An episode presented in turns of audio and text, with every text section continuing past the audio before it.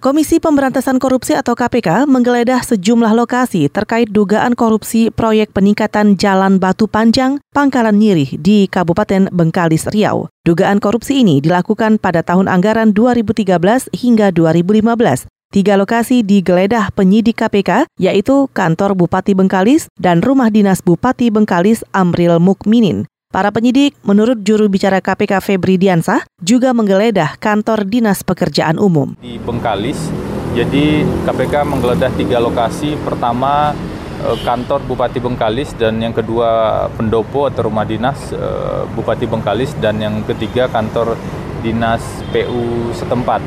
Penggeledahan ini merupakan bagian dari proses penyidikan yang sudah berjalan. Jadi kami sedang melakukan pengembangan untuk sebuah penyidikan yang terjadi di Bengkalis, yaitu salah satu proyek jalan di sana. Dalam penggeledahan kemarin, KPK menyita dokumen-dokumen terkait penganggaran proyek jalan di Bengkalis Riau. Juru bicara KPK, Febri Diansah menyatakan belum bisa memberi informasi rinci terkait hasil penggeledahan itu karena masih ada penindakan di lapangan.